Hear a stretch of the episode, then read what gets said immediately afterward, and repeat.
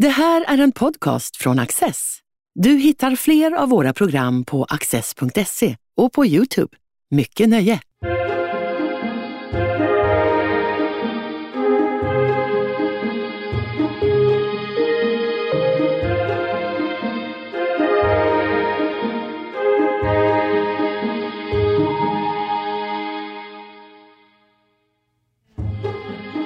Mattias Sköld är lektor i komposition och doktorerar på Skolan för elektroteknik och datavetenskap vid Kungliga Tekniska högskolan.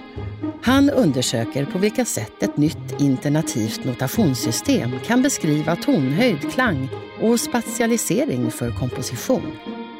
Hur ser framtidens datorsimulerade musik ut?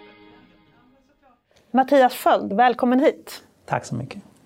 Du är doktorand vid KTH i ett ämne som heter Sound and Music Computing.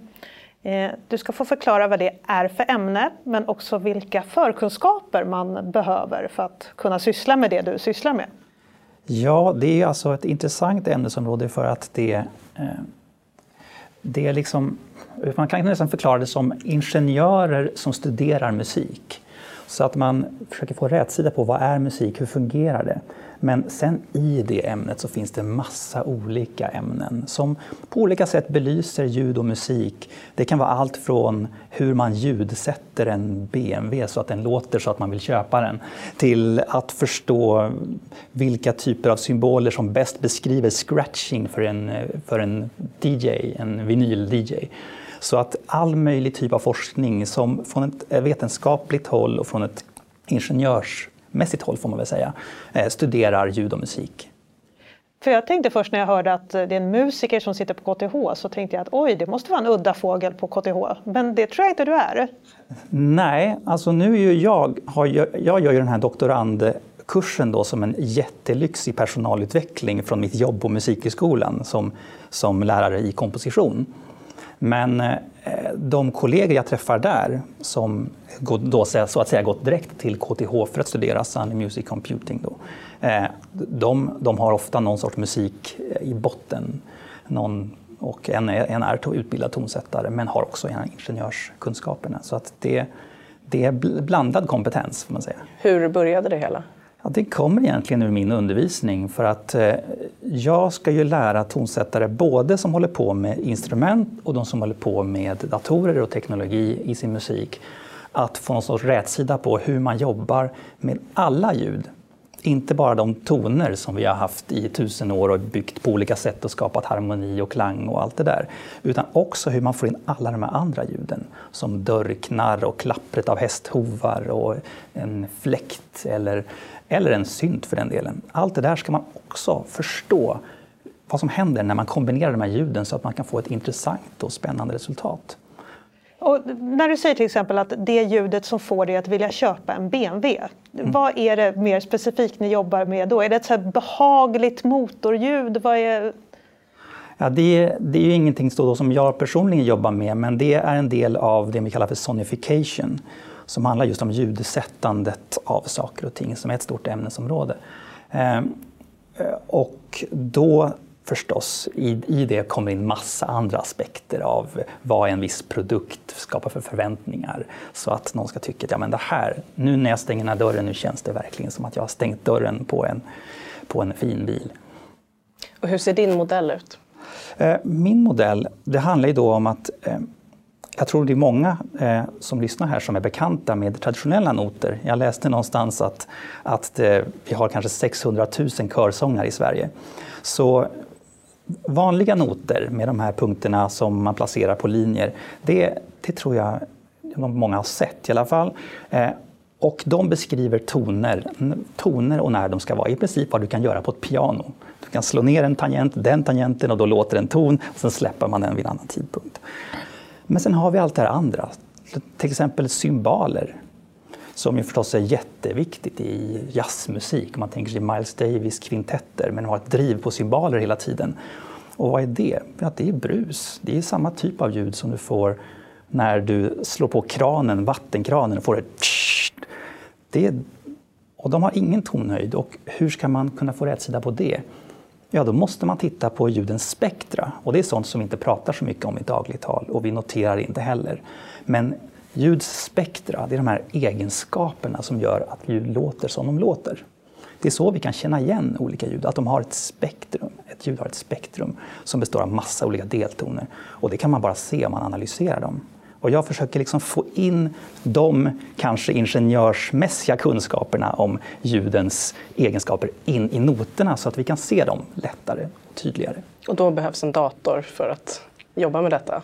Det behövs, eller det underlättar i alla fall något enormt. Man kan faktiskt eh, intuitivt lära sig att, att, och det gör de som mixar musik, de som popmusik, jazzmusik, allt möjligt, de, de tränar upp det här lyssnandet något enormt. För att ifall det är ett ljud i, i hela ljudbilden som sticker ut, det är för mycket, då kan de vrida precis på rätt ställe. Och de som är live-tekniker, de måste kunna lösa sånt bara sådär. Aj, aj, aj, nu är det ett ljud som sticker ut, nu får man en stark ton där, då, då vrider man. Och det gör man för att man har lärt sig att lyssna efter de här klangliga egenskaperna som ljud har. Om man tittar på den här typen av kunskap rent historiskt. Mm. Noter har ju funnits i princip i alla tider i, i någon sorts form. Det system som vi använder idag, hur gammalt är det? det utvecklingen började för ungefär tusen år sedan.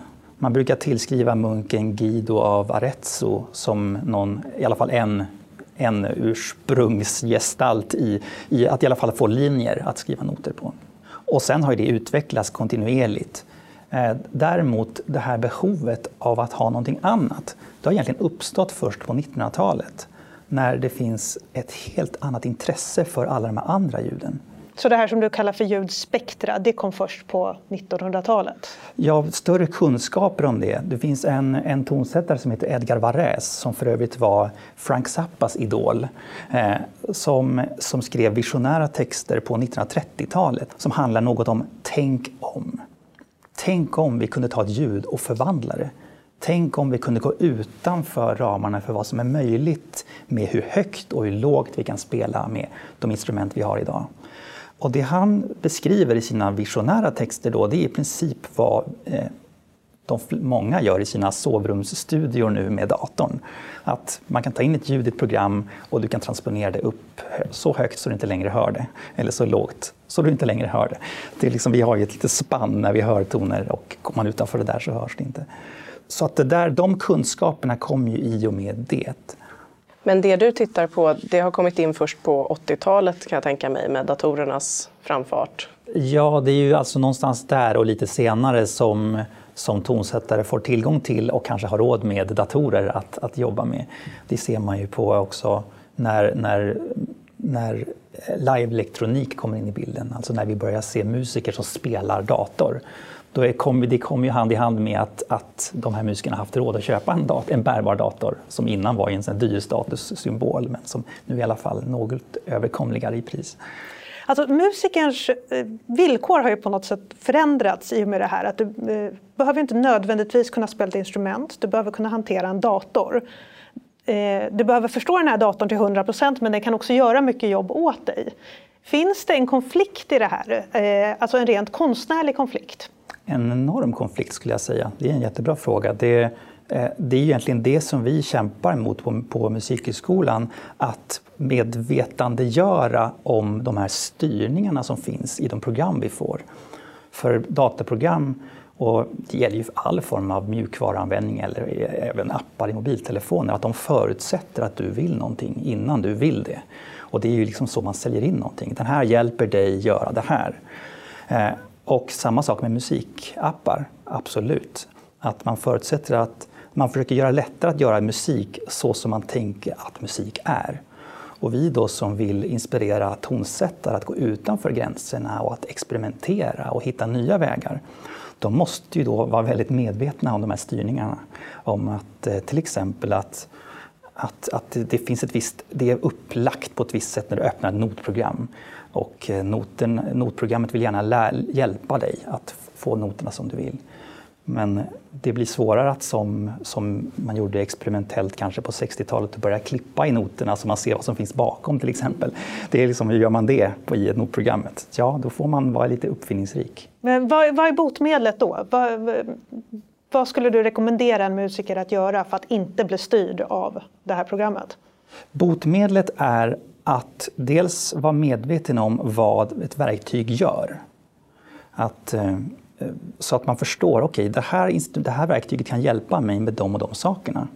För då är det inte mer komplicerat än att då går jag till det verktyget för att få de sakerna. När jag vill skriva en, någonting som fungerar mer som traditionella noter, då finns det program som hjälper mig att göra det mycket fortare än om jag skulle göra det för hand.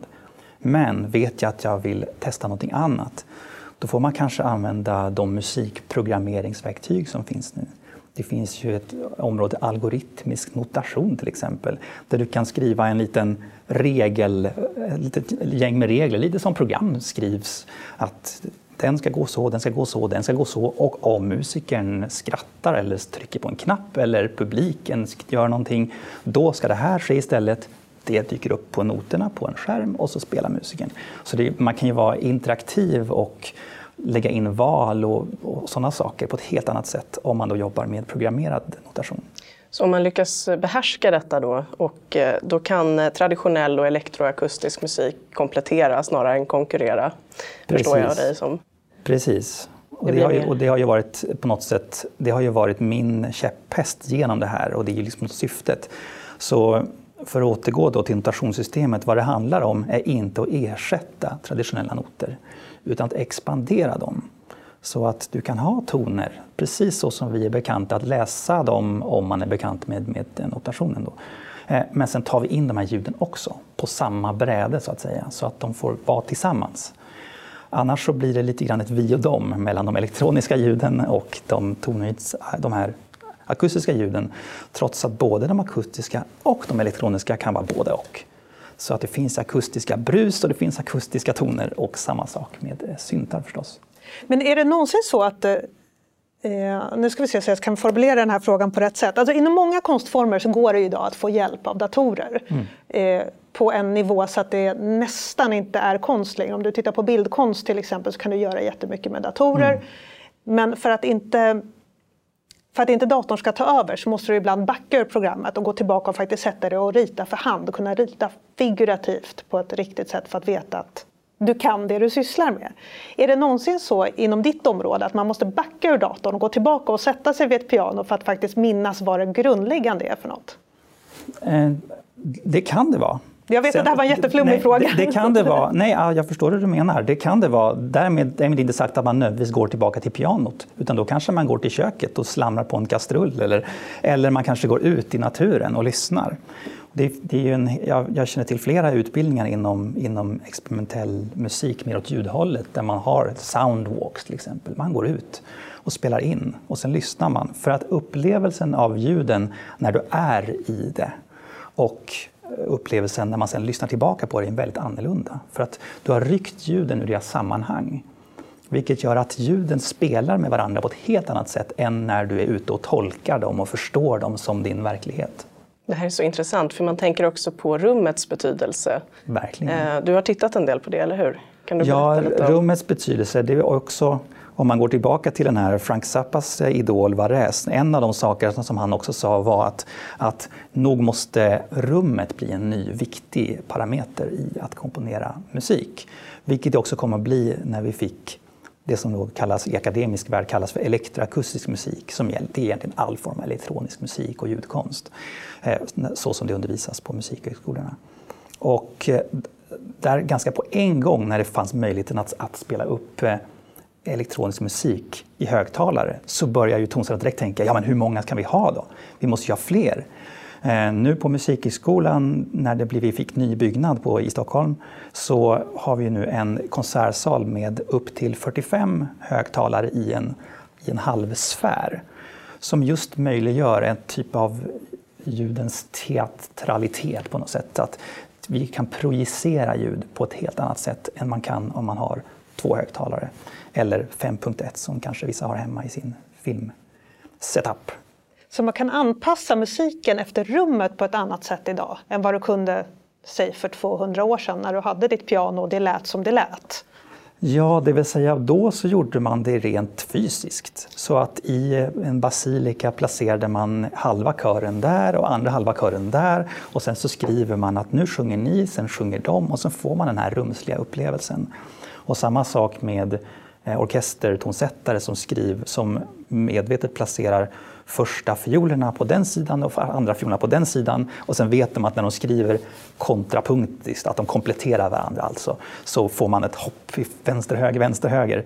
Men med den här projektionskonsertsalen, eh, eh denna klangkupol som vi kallar det, så har vi möjlighet att rent dynamiskt flytta ljuden som vi vill, även live med sensorer och liknande. Så att det finns ju en flexibilitet där som man förstås inte hade med de här stackars musikerna som stod uppe på balkongen. De får inte, kan inte rusa runt som tokar runt publiken utan det, får, det är bättre med panorering i datorn. Men jag tänker också på flexibiliteten i den mänskliga rösten eller när man spelar en flöjt. Mm. Eh, att det blir ett ljud på ett sätt där på föreställningen som man är på medan en dator låter kanske på samma sätt varje gång. Är det ett hinder eller ett hjälpmedel i detta? Det där är ju någonting som man förstås parerar när man, när man jobbar med musikproduktion elektroniskt. Och det gäller ju väldigt mycket av den musikproduktion som sker idag på alla genrer, är att den sker i dator. Och då är det klart att då, då vill man ju hitta ett sätt att det ska låta intressant varje gång. Men där har ju jag också varit väldigt intresserad av den här möjligheten att omtolka elektronisk musik. Och det är ju förstås inte något helt nytt. Och tittar man i popmusiken, eh, om man nu ska kalla det så, Björk som ju kanske är någonstans mellan konstmusik och popmusik. När hon går ut på turné och ska spela gamla låtar som ju är många gånger väldigt elektroniska så arrangerar hon ju om dem för de musiker de jobbar med då. Bara vissa ofta är den här typen av laptopmusiker som står vid en dator och spelar på olika sätt. Så att, och det gör ju att, att det blir nya versioner och det är ju inte konstigare då än på det sätt som vi tolkar och omtolkar teaterpjäser men även musikstycken genom historien. Men kräver inte det omedelbart nya repetitioner på varje plats?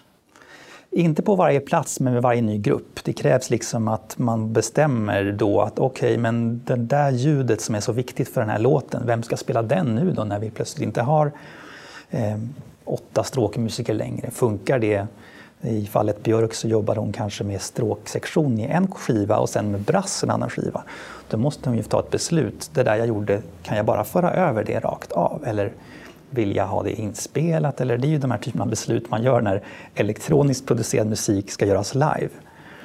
Men som oftast kan ge en, en helt ny och väldigt spännande upplevelse när man gör det. Jag ville fråga dig nyss när vi pratade om rummet. Eh, den här typen av kunskap som du pratar om när man eh, här, placerar körer på olika ställen. Så jag insåg när du berättade att den typen av kunskap måste man ju ha haft redan, det börjar redan med de gamla grekerna. Man älskar ju när man får säga att någonting börjar med de gamla grekerna. Men jag tänker på hur de grekiska amfiteatrarna är uppbyggda. Att, för att, antagligen då för att skicka upp ljud till de bakersta bänkraderna. Och att skådespelarna tydligen hade små mässingsplattor som skulle förstärka eller förändra ljud då. Kanske. Alltså de här kunskaperna har absolut funnits med. Så att, det var, så att man kan ju säga att musikteorin och kunskapen om ljud i någon bredare bemärkelse, de har på något sätt gått hand i hand hela tiden. Så att tittar man på om ni tänker kyrkomusiken är ett väldigt bra exempel. Om man tänker orgelrepertoar, egentligen vare sig den är kyrklig eller inte, så sitter ju de flesta fantastiska instrument vi har runt om i världen i stora kyrkor. I alla fall många gör det. Och det kom ju med oftast en ganska stor efterklang. Att när man slutar spela så ringer ljuden kvar i rummet. Och det är ju klart att de tonsättare som har blivit kända orgeltonsättare, de vet ju det. De vet att när jag skriver paus här så har jag i själva verket ljud i rummet. Jag måste kanske skriva flera pauser innan jag vet att nu har jag tyst i rummet. Och det är klart att de tänker på det, så det finns ju orgelstycken där man har stora feta ackord och sen så är det paus. Och tittar man på noterna så syns det, okej, okay, det är ljud och sen är det tyst, men det är det inte alls. Utan då bara sitter man och lyssnar och badar i den här efterklangen från det där ackordet. Det är lite intressant med den här intervjun att eh, den kräver av mig, kanske av dig också, att man ställer om hjärnan nu från vad vi hade tänkt oss. För att vi har ju pratat om musik när vi har för, eh, förberett den här intervjun. Du talar ju i lika hög utsträckning om ljud. Du pratar om att gå ut i naturen och lyssna på ljud, om vattenkranar, om bilar. Det är en helt ny värld.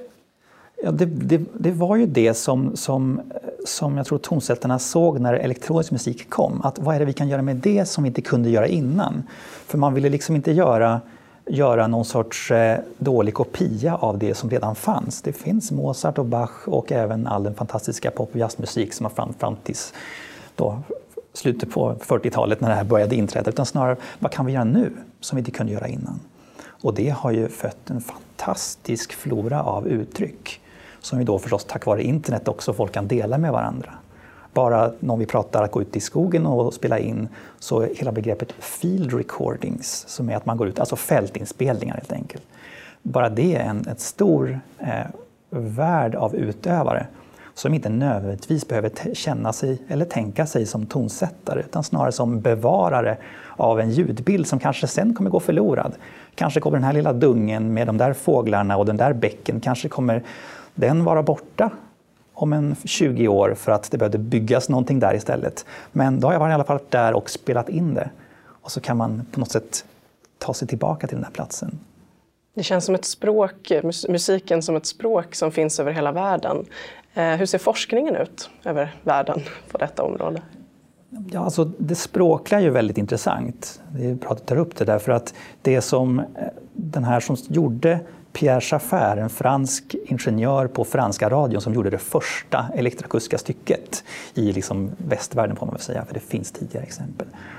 Det han gjorde ett, en berömd bok som, som var ett traktat över ljudobjekt. Och det handlar om att försöka förstå han, han, insåg på en gång att om vi inte beskriver de här ljuden på ett vettigt sätt för musik, då kommer de förbli hästar och kossor. Det kommer vara, där kom fiolerna och de gjorde C, D, E, Fis och sen så kom det en ko. Och det, liksom, det blir en obalans. Det insåg, förstod han direkt. Det kommer, ingen kommer ta den här musiken seriöst. Och framför allt, det som han var mest rädd för, ingen kommer se det som musik. Så att där så börjar han försöka beskriva, men vad är det för någonting? Vad, är det, vad har ljud för likheter, bortsett från, från om de kommer från samma ljudkälla? Så det där, och då kommer det här med musik som språk in i bilden, för han inser ganska snart att de här traditionella noterna vi har, det är ett språk som man kan lära sig och bli väldigt bra på om man övar. Men i och med att man då, det här språket det välkomnar vissa ljud och avfärdar andra som inte passar in, som inte låter sig beskrivas av tonhöjder. Så de här symbolerna de kan funka för att driva en energi i ett band och de kan liksom accentuera saker och ting, men de kan inte göra de här melodierna. Men givet den här nya teorin då, eh, så kan de plötsligt vara, spela huvudrollen. Det vill säga, och, och om man slagverkare vet här att om man slår på olika ställen på cymbalen får man helt olika klang. Det, men det är sånt som bara slagverkarna vet och de tonsättare som skriver för slagverk.